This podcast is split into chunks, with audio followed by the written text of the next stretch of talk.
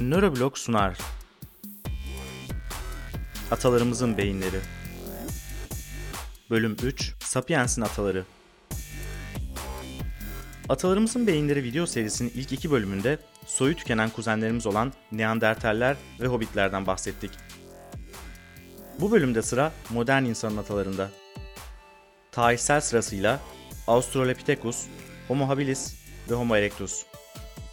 Modern insanın atalarının beyinlerine baktığımız zaman genel bir eğilimi hemen fark edebiliyoruz. Australopithecus'tan Homo habilis'e, oradan Homo erectus ve nihayet Homo sapiens'e kadar gelen evrimsel çizgide beyin boyutlarının ve hacminin sürekli olarak büyüdüğünü görüyoruz. Australopithecus'un beyni ortalama 500 cm3. Yaklaşık olarak modern insansı maymunlar büyüklüğünde. Yine de Australopithecus insan beyninin evriminde çok önemli. Çünkü Australopithecus insan evriminde ilk defa iki ayak üzerinde yürümeye başlayan atamız. İki ayak üzerinde yürüme yeteneğinin ortaya çıkmasıyla eller serbest kalıyor, ellerin serbest kalması ile ilk aletler yapılmaya başlanıyor ve bu durum atalarımıza yeni yetenekler kazandırıyor. İnsansı beyni radikal biçimde değişiyor. Bu dönemde beynin evrimsel gelişiminde bir dönüm noktası olarak tanımlayabileceğimiz olay yeni bir mutasyon. SRGAP2 mutasyonu. SRGAP2 mutasyonu daha önceki insan atalarında görülmeyen yeni bir proteinin doğmasına sebep oluyor. Bu protein sayesinde insansı beyinlerindeki sinirler daha uzun ve daha güçlü hale geliyor. İlk kez Australopithecus'ta görülen SRGAP2 mutasyonu sayesinde bundan 2 milyon yıl önce Australopithecus insan türünün öncü olan Homo habilis'e dönüşüyor.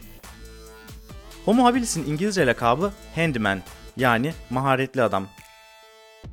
Keşfedilen ilk Homo habilis kafatası 1959 yılında Tanzanya'da ortaya çıkarıldı ve yaklaşık 2 milyon yıl yaşında.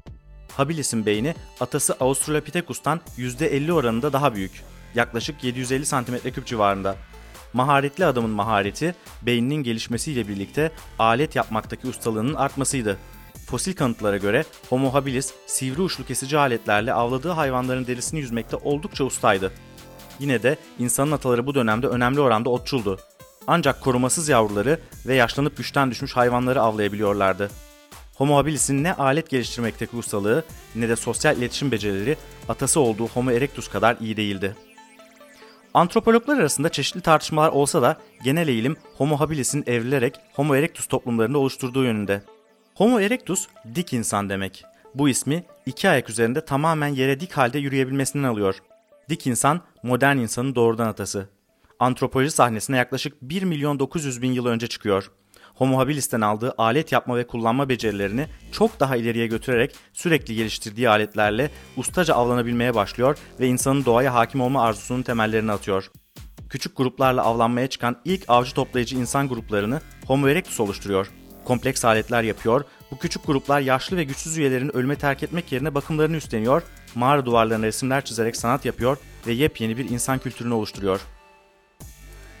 Homo erectus ile birlikte insanların beyni artık 1000 cm3 sınırını aşmaya başlıyor. Elbette zeka sadece beyin büyüklüğüne bağlı değil. Korteksin gelişmişliği, beyindeki sinir bağlantılarının karmaşıklığı gibi başka özellikler de önemli. Homo erectus'un beyni atalarına oranla sadece büyümekle kalmıyor. Dik insan aynı zamanda atalarının sahip olmadığı bazı beyin bölgeleri de geliştiriyor. Bunlardan en önemlisi Broca alanı adı verilen insan beyninde konuşma yetisi için olmazsa olmaz bir beyin bölgesi. Bu bölge Homo erectus'un şempanzeler ya da kendi ataları olan Homo habilis'ten farklı olarak sadece işaret diline dayanmayan bir iletişim biçimi olduğunu, kendisini sözel olarak ifade edebildiğini, daha yalın bir deyişle basit bir dille de olsa modern insan gibi konuşabildiğini gösteriyor. Homo erectus atalarının aksine artık iki ayak üzerinde çok daha yetenekli bir şekilde hareket edebiliyor. Oldukça uzun mesafeleri yürüyebiliyor, avcılık ve toplayıcılık açısından daha donanımlı gerçek bir omnivor. Ateşi tamamen kontrol edebilen ilk canlı besin bulmakta ve tüketmekte atalarına göre çok daha yetenekli. Bu da onun oldukça fazla enerji harcayan pahalı bir organ olan beynini nasıl bu kadar büyütebildiğinin akla yatkın açıklamalarından biri. Homo erectus'un soyu bundan 140 bin yıl önce tükeniyor. Ancak Homo erectus dalından köken alan bir grup Homo sapiens yani modern insan haline geliyor. Filmin devamını az çok biliyorsunuz. Dinlediğiniz aslında bir YouTube videosu.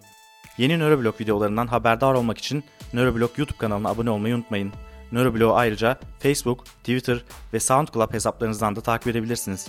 İyi seyirler.